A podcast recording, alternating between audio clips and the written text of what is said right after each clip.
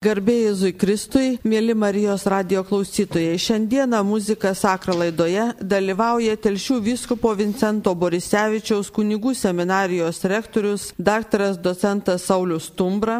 Garbėjai Jėzui Kristui, mėly Marijos radijos klausytojai. Prepedeutinio kurso klerikai Jokūbas Juškevičius Sveiki. ir Saulis Komantas. Labadiena. Ir aš Janina Bucevičia, Žemaičių muziejaus Alka istorikė. Šiandien mes susirinkome pakalbėti apie liaudiškai pamaldumą, prisimindami Dievo kulto ir sakramentų tvarkos kongregacijos liaudiškojo pamaldumo ir liturgijos vadovą, kur buvo rašoma, kad liaudiškasis pamaldumas bažnytinė tikrovė, įkvėpta ir vedama šventosios dvasios. Tačiau vis tik tai savo pašnekovų norėčiau paklausti, o kasgi slepiasi po terminu liaudiškasis pamaldumas, kuo jisai skiriasi nuo kitų liturginių apieigų, kaip liaudiškasis pamaldumas reiškiasi praktikoje ir kuo skiriasi nuo profesionaliojo meno, nuo liturgijos ir ar iš tikrųjų bažnyčiai reikėtų jį saugoti ir puoselėti. Taigi tie klausimų kyla išgirdus apie liaudiškai pamaldumą. Tai gerbiamas rektoriau. Ar šiandien dar liaudiškasis pamaldumas yra Lietuvoje, ar jis yra aktualus ir kaip pas mus Žemaitijoje su to liaudiškuoju pamaldumu? Mėly Janina, mėly Marijos radio klausytojai, jeigu mes šiandieną čia susirinkę kalbame apie liaudiškai pamaldumą, reiškia jisai ir yra, ir yra gyvas ir tikrai tikiu jisai bus toliau gyvas. Tik turbūt šiandien, kadangi mes pravedam ciklą laidų apie liaudiškai pamaldumą, liaudiškai pamaldumo praktikas ir įvairiausias jo formas, turbūt verta galbūt pasiaiškinti tam tikras savokas, kas yra kas, nes kartais mes galim pasiklysti, miške tarp daugybės medžių ir nežinoti, apie ką mes kalbame. Jūsų paminėtas terminas arba savoka liaudiškasis pamaldumas, jisai talpina savį du žodžius - liaudiškasis ir pamaldumas. Taigi pat žodis liaudiškasis galbūt mūsų lietuvių ausiai ne visada skamba labai maloniai, tarytum sakydamas, kad čia mes kalbam apie kokią varguomenę liktais. Bet tai yra sociologinė galbūt interpretacija tų žodžių, bet kai mes kalbam teologiniai dimensijos, kai mes kalbam bažnytiniai plotmiai, tai žodis liaudiškasis reiškia, kad mes kalbam apie Dievo tautą. Ir tai reiškia, kad tas liaudiškasis pamaldumas kyla būtent iš tos Dievo tautos kaip organiškas ir natūralus pamaldumas. Ir žodis pats pamaldumas, savai suprantama, galbūt mums labiau suprantamas kaip dievotumas netgi kartais. Tai liudijas visim, kad sujungus tą žodis liaudiškasis ir pamaldumas, reiškia tai maldos formos, maldos būdai ir visa kita, kuri kyla iš pačios Dievo tautos. Taip galėtume labai paprastai interpretuoti tą dokumentą ir tą pačią savoką, kurią jūs ką tik pacitavote iš to garsaus bažnyčios dokumento. Dievo tauta žymiai taip praplečia tą savoką, kad tai įeina ne tik tai, sakykime, kaip jūs ten sakėt, paprastų žmonių, na, ne menininkų, ne profesionalių muzikos atlikėjų, bet visų.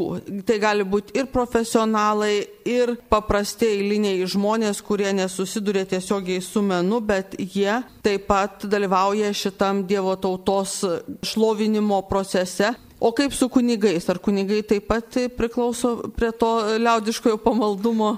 Labai geras klausimas, ar kunigai priklauso Dievo tautai? Čia galime ir nusijuokti, netgi skaniai manau. Savaime suprantama, bet turbūt dvasininkijai, pirmiausia, ganytojams viskupams ir aišku jų padėjėjams kunigams tenka uždavinys to būdėtojo kad liaudiškasis pamaldumas ir jo įvairiausios formos, kurios yra labai paplitusios ne tik visam pasauliu katalikiškajam, bet ir mūsų tėvynį Lietuvoje, kad jos išliktų vedančios link Dievo, kad jos išliktų sveikų religingumo raiška, bet gink Dievas, kas įmot saugot, kad būtų apsaugotas tos pamaldumo formos praktikos nuo prietarų, nuo stabeldystės. Taigi toje vietoje, skusim, kunigas ir ganytojas atlieka labai svarbu vaidmenį saugotojo brangintojo ir vedimo tos Dievo tautos sveikų kabutėse tikėjimų raiškos keliu. Taip galėtume atsakyti. O sakykit, kaip suderinti va tą e, grinąją liturgiją ir liaudiškai pamaldumą?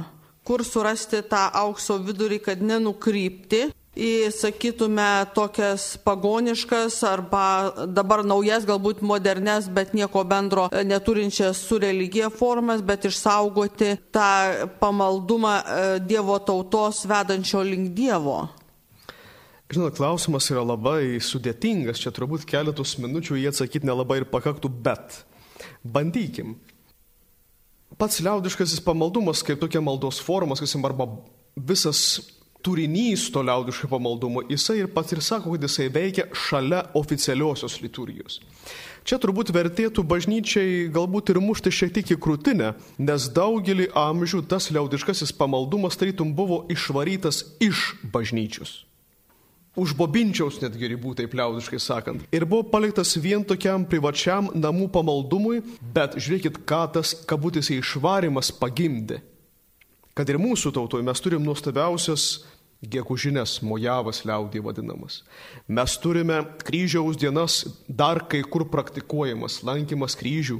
Mes turime gražias tradicijas koplytėlių statymo. Tai liaudiškas pamaldumas visur yra. Mes turime nuostabes, beveik visoje Lietuvoje sutinkamas įvairias šermenų apėgas. Aišku, turbūt čia išsiskiria žemaityje su savo turtingomis šermenų apėgomis, bet apie tai galbūt ir kitose laidose mes kiek vėliau. Taigi tas išstumimas kabutėse iš oficialiosios galbūt liturgijos davė impulsą tai Dievo tautai, kuri meldėsi namuose savo gimtają kalbą lietuviškai, žemaitiškai, sakysim, dzūkiškai, aukštaitiškai, melstis taip, kaip sapnuoja, taip, kaip svajoja. Ir tai galbūt ir pagimdė tokį platų tų liaudiškojų pamaldumo praktikų pasireiškimą mūsų tautoje. Jo labiau, kad bažnyčioje iki pat, sakykime, antro Vatikano vis tik tai dominavo lotynų kalba. Taip. O jeigu kalbėti apie bažnyčią iki, sakytume, trečio Lietuvos Lenkijos valstybės padalinimo, tai šalia lotynų kalbos viskas pagrindė buvo e, Lenkų kalba. Tai žemaitiškai, lietuviškai, tai, tai galbūt pamokslai buvo sakomi pačioj bažnyčiai, o vis tiek žmonės, kaip jūs sakote, labai gražiai gerbiamas rektoriau, norėjo melstis e, lietuviškai, žemaitiškai ar dzūkiškai Ir dėl to gimė tas liaudiškasis pamaldumas už bažnyčios, kaip jūs sakote, ribų. Žinot, aš čia noriu įsiterpti, man labai užstrigo tas lenkiškai, žemaitiškai. Dažnai yra kaltinama, sako, mes neturim satų liaudiškai pamaldumą, mes viską iš Lenkų perėmėm.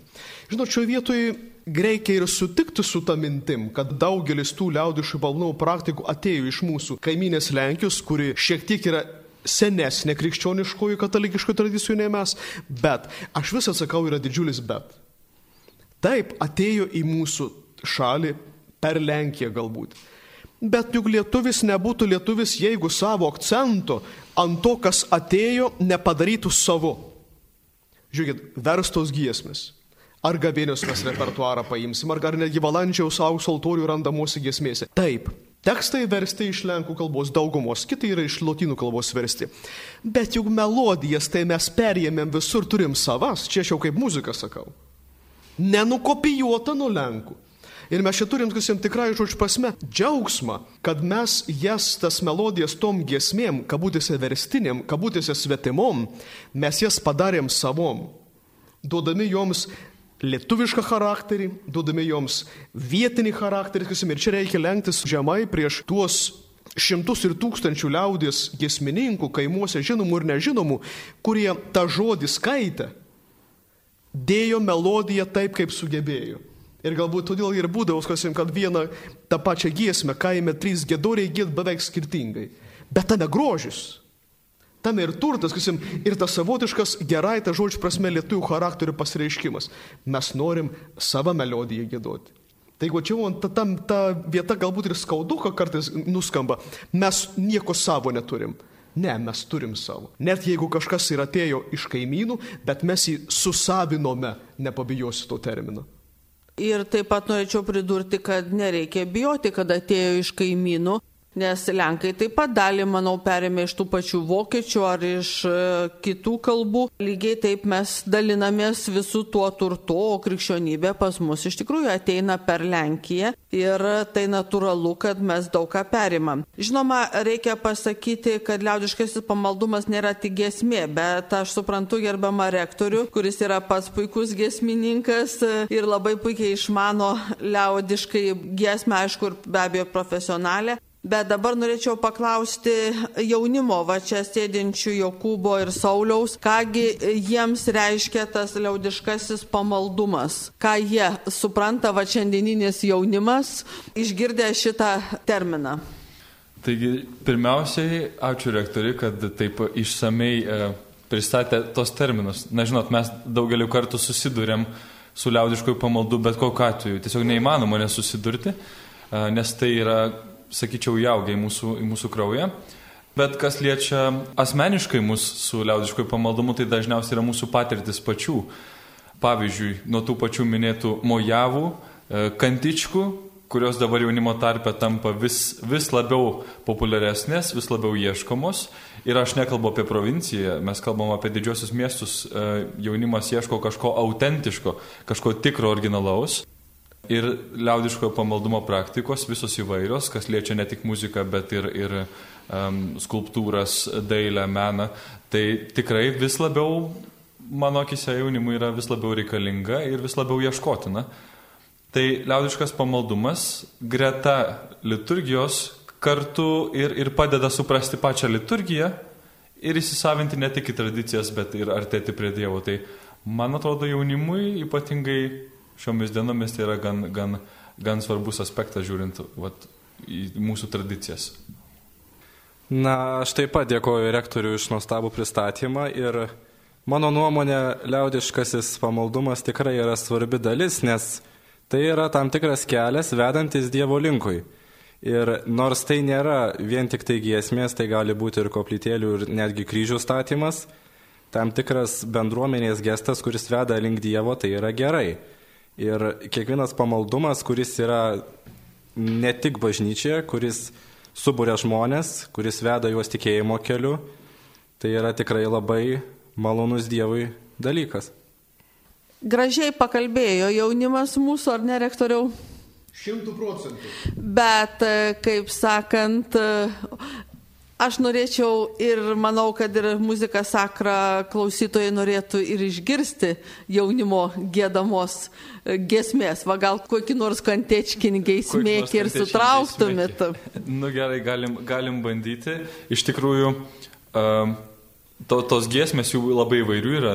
Aišku, žinoma, didelė dalis, ypatingai žemaitėjai, kantiškinių gesmių yra neatsiejamos su šermenimis, uh, bet taip pat yra gausų gesmių ir, ir ir mūsų mamai, mūsų motinai Marijai. Tai uh, vieną tokią gražią gesmelę, porą, porą posmelių, jeigu leisit. Dėkui.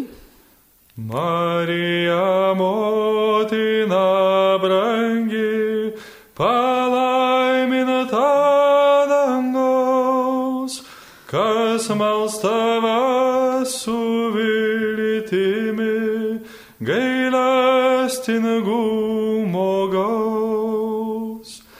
Maloninga ir skaisti, grožio nuostabaus, pas save visus kvieti, motina dangaus, pas save visus kvieti, motina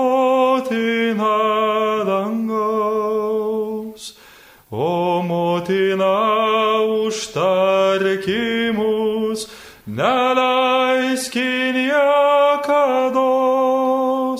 kad nepaguostas būt žmogus, kurio klausai maldos. Maloninga ir skaisti, grožio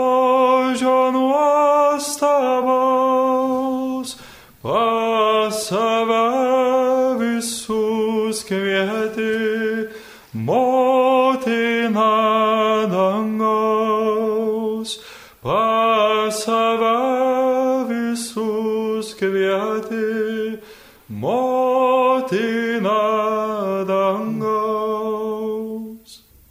Dėkoju Jokūbui, manau, kad e, ko gero labai daug klausimų ir atsakė Jokūbas šitą savo gesmę, kad per tą gėdojimą galim išreikšti ir savo meilę Marijai, ir nostalgiją, ir prašymą, ir padėką. Ir tada e, tam, e, tampa tai labai sava, artima ir gyva, ir Marija, ir tikėjimas, ir Dievas atrodo nusileidžia iš dangaus. Žinoma, be abejo, nesakau, profesionalus menas jis turi būti, jis e, kelia mus irgi aukštyn, bet ko gero dažnai taip ir lieka toks tarpas tarp atlikėjų to aukštojo meno ir paprasto žmogaus. Ir tas va, gėdojimas, tas vadinamasis liaudiškasis Dievo tautos sujungia visą tą Dievo tautą. Žinoma, Manau, kad dabar ir kompozitoriai įsijungia irgi ir aranžuoja tas liaudės gesmes, pritaiko choram, pritaiko pavieniam gėdojimui, e, muzikos instrumentams, bet iš tikrųjų liaudės pamaldumas nėra tik tai giesmės.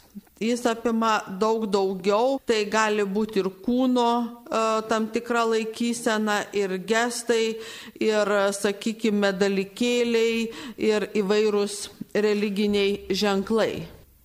Mėly Janina ir mėly Marijos radio klausytojai, žinot, atsakant į jūsų klausimą, aš leisiu savo pirmiausia pacituoti gerbiamą popiežių Benediktą XVI, kuris vienoje iš savo audiencijų yra labai gražiai būtent tarytum atsakęs į jūsų tą išsakytą mintį. Cituoju, ką sako popiežius.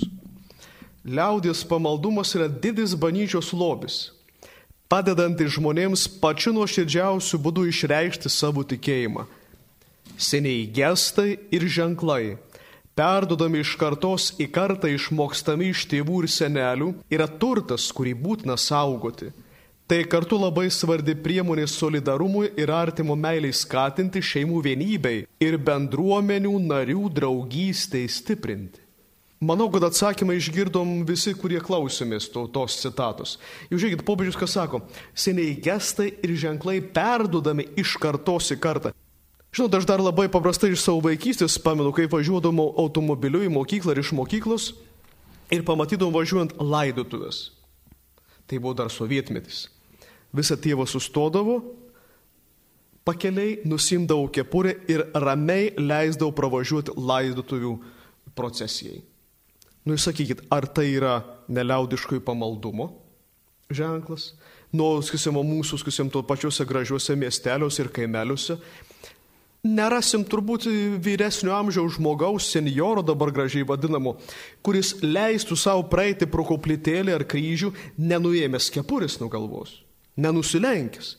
Negalėtų to padaryti. Bet tai vot yra žestai, tradicijos, kurios ateina iš kartos į kartą. Ir šioje vietoje galbūt reikėtų vėlgi Deja, bet antrą kartą kartuoju laidoj, muštis mums į kurtinę, kad ne visada tą deramą kultūrinę tą dalį esam nors ir gavę, bet perdavę į tolimesnę kartą. Ir aš, galbūt aš perėmėsiu šį klausimą link e, kliriko Sauliaus. Žinau, jis yra iš, iš Dzukijos, iš Alitaus, ir jų tas kraštas labai pasižymi savitą vieną liaudiškai tokį pamaldumo praktiką, kuri ateina iš gilios, netgi baltiškosios kultūros, bet kaip šiandien su raudomis yra. Ką pats galėtum pasakyti iš savos patirties? Na, Šiandien, šiais laikais, raudos yra vis dar neatsijama šermenų dalis. Ir kaip rektorius ir minėjo, raudos kaip apeiginis žanras lietuvių istorijoje yra labai seniai, netgi nuo baltų genčių laikų. Jau skaičiuojama apie 800 metų. Nuo 13 amžiaus pradžios, žinoma, tais laikais tai dar nebuvo katalikiškas žanras, tai buvo apeiginis šermenų dalis kurią dažniausiai žmonės perleisdavo atlikti įvairiems žiniams, galbūt galima pavadinti šamanams, taip, bet katalikiška bažnyčia atėjusi į Lietuvą, kai Lietuva pakrikštyta tapo, tiesiog laikė tai kaip ir pagoniškumo ženklų, šaukimuose kažkokių kitokių dievybių, dieviškųjų galių, įvairaus žmogaus sudėvinimo, kad tie žiniai stengiasi susisiekti su mirusiaisiais, kas nėra labai adekvatus ženklas. Ir uždraudė raudas kaip tokią praktiką šermenų metu. Tačiau žmonės be abejo nepasidavė, vis tiek raudas atlikinėjo, gėdojo ir prisitaikė. Pradėjo raudas atlikinėti patys, kadangi žiniams tai perleisti buvo griežtai draudžiama. Tai pradėjo jas atlikinėti patys, žinoma, kadangi visi žmonės yra skirtingi, tai ir raudų tipas pakito, jų atsirado netgi labai daug. Tai raudos nebeturėjo pastovaus teksto, tiesiog gėdorius pritaikydavo prie tam tikros situacijos, prie konkretaus atvejo ir tiesiog naudodavosi tradiciniais vaizdiniais. Netgi melodijos įvairiuose Zukijos regionuose irgi pasikeisdavo pagal gėdoriaus balso tembrą ir, kaip minėjau, pagal konkretų atvejį.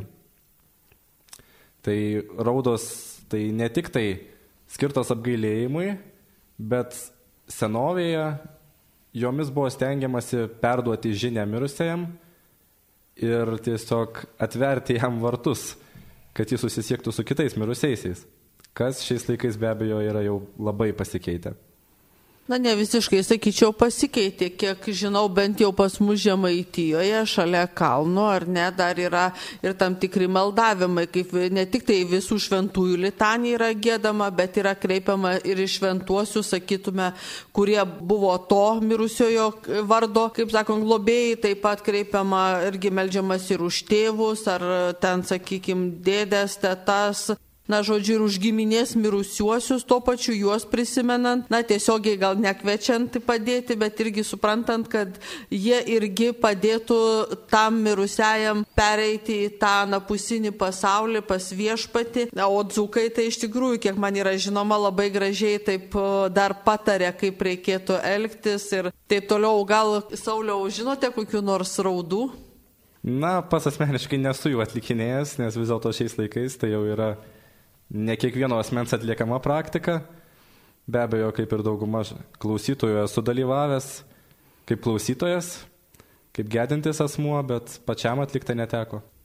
Jeigu galima vieną reakciją, man teko girdėti visai nesnai gyvą raudą vieną. Tai buvo pirmą kartą mano gyvenime ir aš tarytum pratesdamas kleriko Sauliaus mintį sakysiu taip. Taip, kasim, mes galim tą prieš istoriją kalbėti, kasim, buvo vienoks aspektas, bet Jonas Paulius II, kalbėdamas apie evangelinės žinios inkultūrizaciją į kiekvieną tautą, perimant tos tautos gražiausius kultūrinius reiškinius, tarytum šioje vietoje mums atsakymą duoda. Taip, sakysim, pradžioje galbūt tai buvo kovos galbūt momentas, buvo, oficialioji bažnyčia prieštaravo tam baltiškajam, sakysim, reliktui, bet šiandien jisai turi visai kitokią spalvą. Ir žinot, klausantis tos raudos, kur raudojo sesuo savo brolio mirusio, man kaip žemaičiui atrodė, kad jinai tarytum rašo laišką Dievui. Gražiausiom spalvom tą savo brolelį pristatydama. Tarytum taigi trūksta žodžių. Štai dievulė, aš tokį nuostabų žmogų atiduodu į tavo prieglopstį, būk jam maloningas ir galestingas. O tarytum, tarytum tokia graži rauda ateinant iš sielos gelmių, bet tarytum žmogaus pristatymas Dievui. Bet čia mano kaip pašaliečio reakcija, tarkim, žemaičio, besiklausančio dzūkiškos raudos, kuri šiandien, kaip ir savo klerikas Saulis, vėlgi gauna ir kitokią spalvą ir galbūt ir dzūkijų nelabai, ką kiekvienas ir drįstų šiandien stot prie savo mirusiojo karsto ir ją išraudoti. Apart samdomų raudotojų, kurių žinau taip pat yra. Tai kaip ir Žemaitijoje su kalnų gėdojimu, bet tikrai norėčiau palinkėti, kad zukai išsaugotų šitą nuostabią raudą, nes kiek žinau, yra ir Žemaitijoje yra buvęs senovėje. E, šita tradicija buvusi, taip pat buvo raudos raudamos, bet Žemaitijoje išnyko, tačiau Žemaičiai susikūrė kitą tokią liaudiškojo pamaldumo formą, tai būtent patie garsieji Žemaičių kalvarijų kalnai. Tačiau e, laikas mūsų bėga, bet dar kartą noriu pasakyti, ne tik gesmė yra, nors ir labai graži, dar manau, kad sugėdos paskui Jokūbas mums dar kurią giesmę, bet norėčiau pasakyti, kad liaudiškajam pamaldumui priklauso taip pat ir šventieji paveikslai, ir skulptūros, ir ką čia turėtų daryti bažnyčia, kad tai nevirstų kiču, kad e, tai būtų tikrai tokio pamaldumo atspindys. Na, žinot, mėly Marijos radio klausytojai, čia aš nežinau, ar mes galėtume sakyti, ką turėtų daryti bažnyčia. Jeigu mes sakome, kad tai yra liaudiškojo pamaldumo išaiška, tai reiškia tas kuriejas, tą šventojo skulptūrėlę, Dievo motinos ar išganytojo Jėzaus, jisai tapo ar skabo taip, kaip jisai ją įsivaizduoja. Ir žiūrėkit, kai mes į tavo liaudiškai meną pažvelgiame, taip platėliau visos Lietuvos mastu, jau mes matom labai panašius ir tų pačių labai skirtingus rūpintojėlius. Taip. Taip. Tarytum vienoje vietoje žemaitiškesnis, kitoje vietoje aukštaitiškesnis, galime sakyti, kitoje vietoje dzukiškesnis, bet tas pats rūpintojėlis. Vat taip tą išganytoje kenčiantį matė tas stalius, kuris jį drožė. Ta pati, žiūrėkit, sakysim, su, su, su, su vaizduojamuoju menu, sakysim, paveikslų tapimu.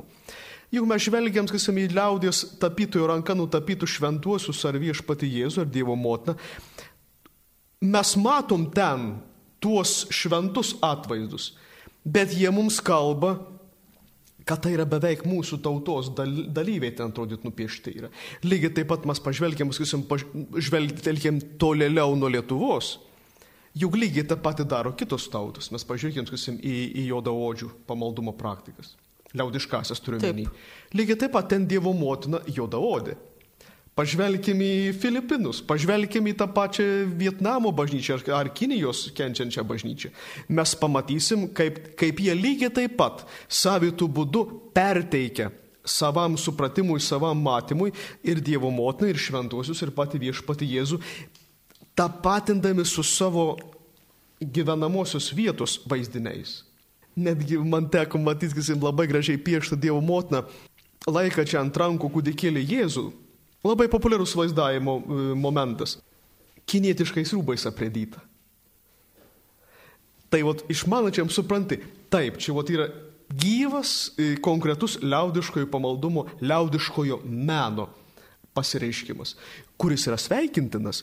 Žiūrėkit, ir šventasis tėvas Pranciškus labai kasmet berots kviečiasi į Šventojo Petro baziliką Romoje, Latino Amerikos įvairiausias e, tautas švesti savo tikėjimą, į kuriuos būtent kviečia tei su savo tais visais liaudiškai pamaldumo elementais, atributais. Ir su statulėlėmis, ir su, su kryžiais, su viskuo. Ir žinot, man teko matyti gyvai tuos visus uh, jų darbus. Nu iškart žiūrėdamas jūs gali suprasti, tai priklauso Latino Amerikai. Tai yra gyvas, spalvinga, energinga, ir tuo prieš priešinant su mūsų, sakysim, tarkim, mūsų žemė, pas mus yra kur kas santūriau kur kas santūriau. Ir galbūt nepasakysim, kad grubiau, bet santūriau man tas žodis labai tinka. Taip kaip ir mūsų pačių būdas šiaurietiškas yra kur kas. Bet tame turbūt grožis ir yra, sakysim, kad tie patys evangeliniai vaizdiniai, kiekvienoj kalboj, tautoj, netgi toj, pavadinkim, sakysim, pasaulio kampe randa savo raiškos būdą, kaip prakalba į žmogų. Arba žmogus prakalbina savo tų būdų tuos Evangelijos vaizdinius. Tame yra grožis, tame yra turtas, džiaugsmas.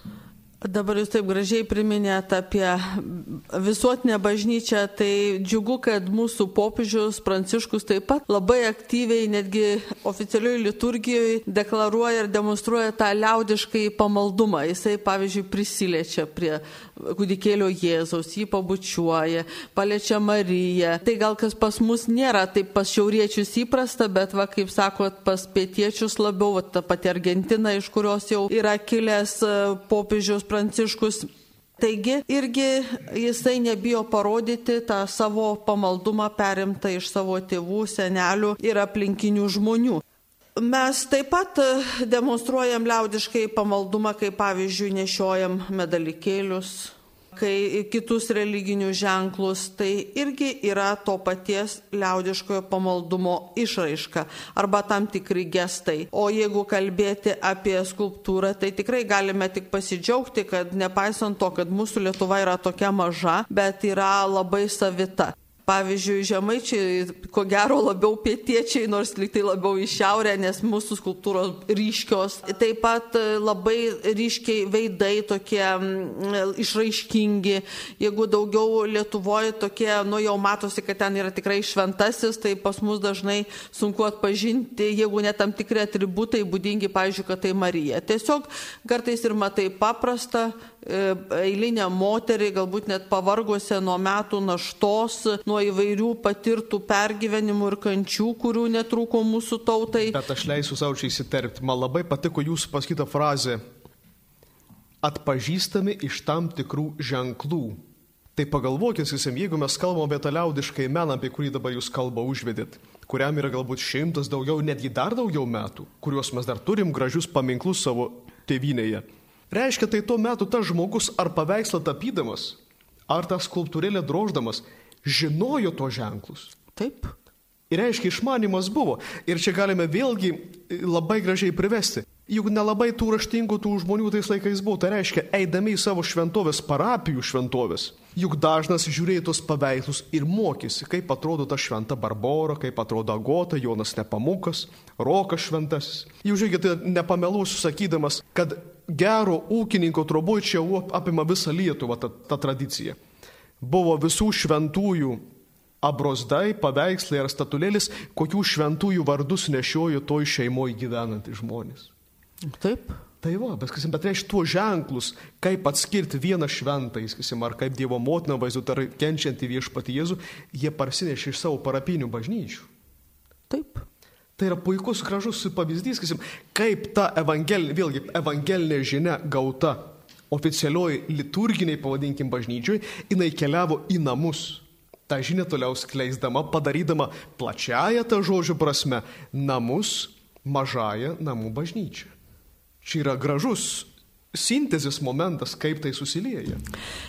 Ir kadangi rektorius labai gražiai pradėjo kalbėti apie e, vietas pamaldumo, kurios nėra susijus tiesiogiai su bažnyčia, kaip sakrale erdve, tai yra šventovės, tai yra šventos vietos, kurios yra, sakytume, už bažnyčios arba ir toj pačioj bažnyčioj.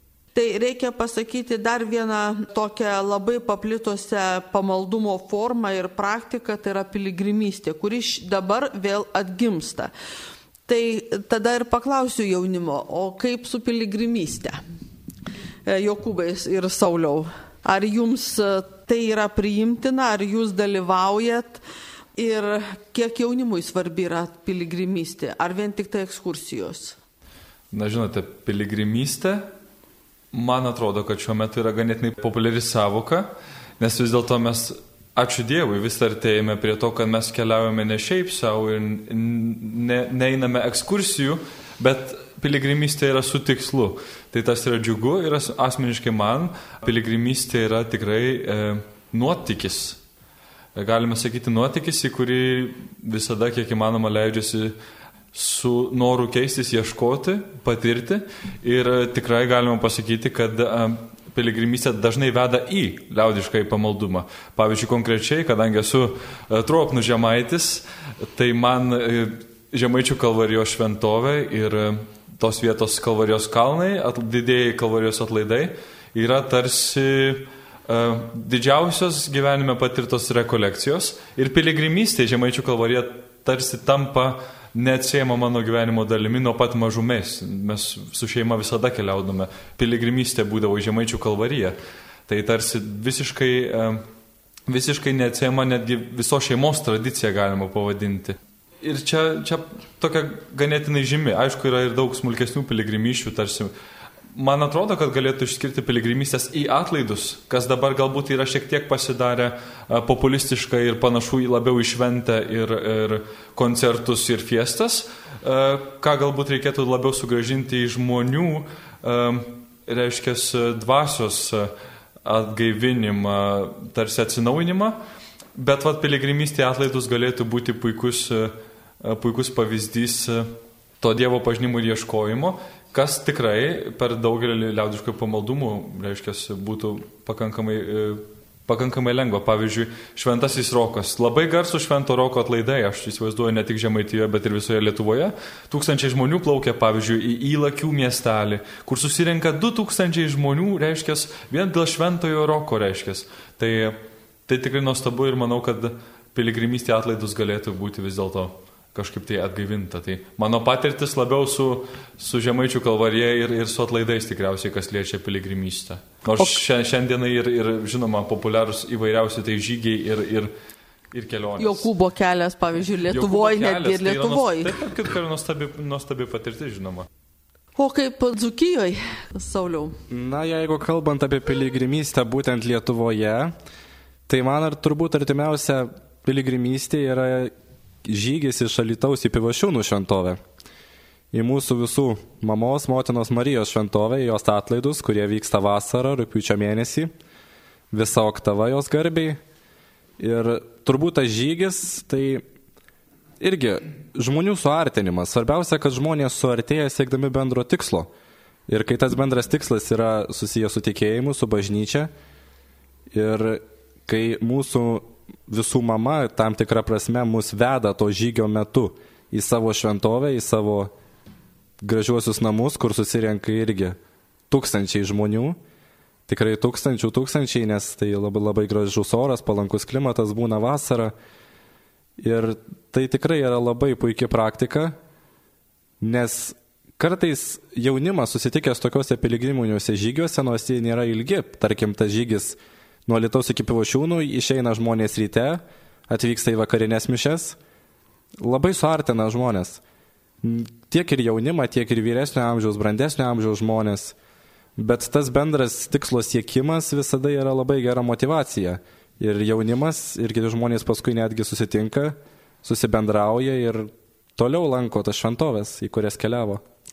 Tai piligrimystė, taip pat jeigu pas mus žemaitė, tai aišku dar Šiluva, o šiaip tai yra Marijos šventovės, pavyzdžiui, daktaras Vaivada yra apėjęs netgi 50 Marijos šventovių čia pas mus žemaitijoje. Ir aišku ir kitur vykti yra labai gražu ir šventąją žemę, ir tą tikrą Jokūbo kelią, ir kitur tai irgi skatina žmonės išeiti iš savęs, iš savo tos aplinkos Jokūbai.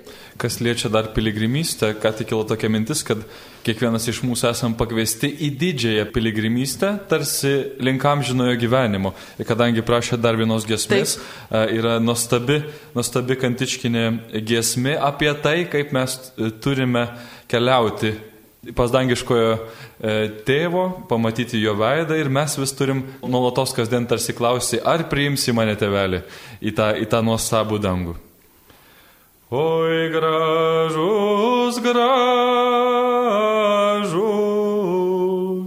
tolimasis dangus, ar priimsi mane Dievulio brangus, ar primisi mane, mieliausias tėveli,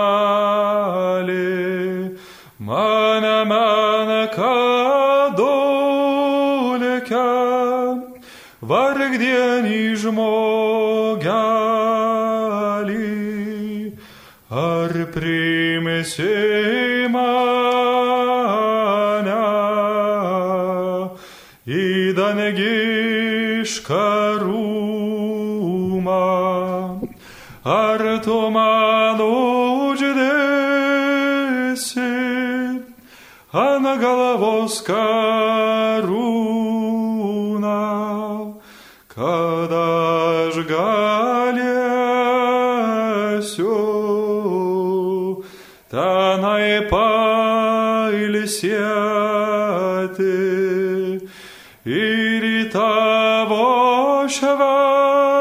šventą veidą paveizėti.